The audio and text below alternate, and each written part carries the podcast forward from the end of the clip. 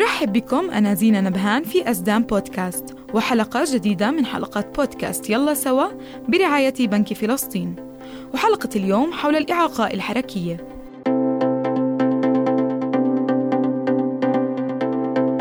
تعرف الإعاقة الحركية؟ على أنها عدم قدرة الفرد على الحركة بصورة طبيعية ويحتاج إلى أجهزة معاونة كالعصا والعكاز والكرسي المتحرك أو الأطراف الصناعية إذا كان يعاني من البت للانتقال من مكان إلى مكان آخر. وقد تكون نتيجة أسباب وراثية أو مكتسبة. وتصنف الإعاقة الحركية إلى المصابون باضطرابات تكوينية وهم من توقف نمو الأطراف لديهم أو المصابون بشلل الأطفال أي في الجهاز العصبي أو المصابون بالشلل الدماغي ويحدث بسبب خلل يصيب بعض مناطق المخ أو المعاقون حركيا بسبب الحوادث والحروب والكوارث الطبيعية.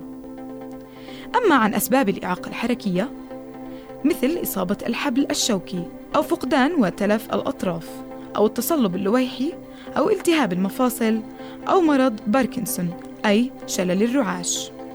وهناك عدة طرق ينصح بها للوقاية من الإعاقة الحركية مثل التغذية السليمة للأم أثناء الحمل أو التغذية الصحيحة وتناول الفيتامينات الكافية والقضاء على الأمراض البكتيرية والتحصين على الوجه الصحيح التدخل المبكر والمعالجة واتخاذ الاحتياطات في المنزل وأماكن الترفيه للوقاية من الحوادث.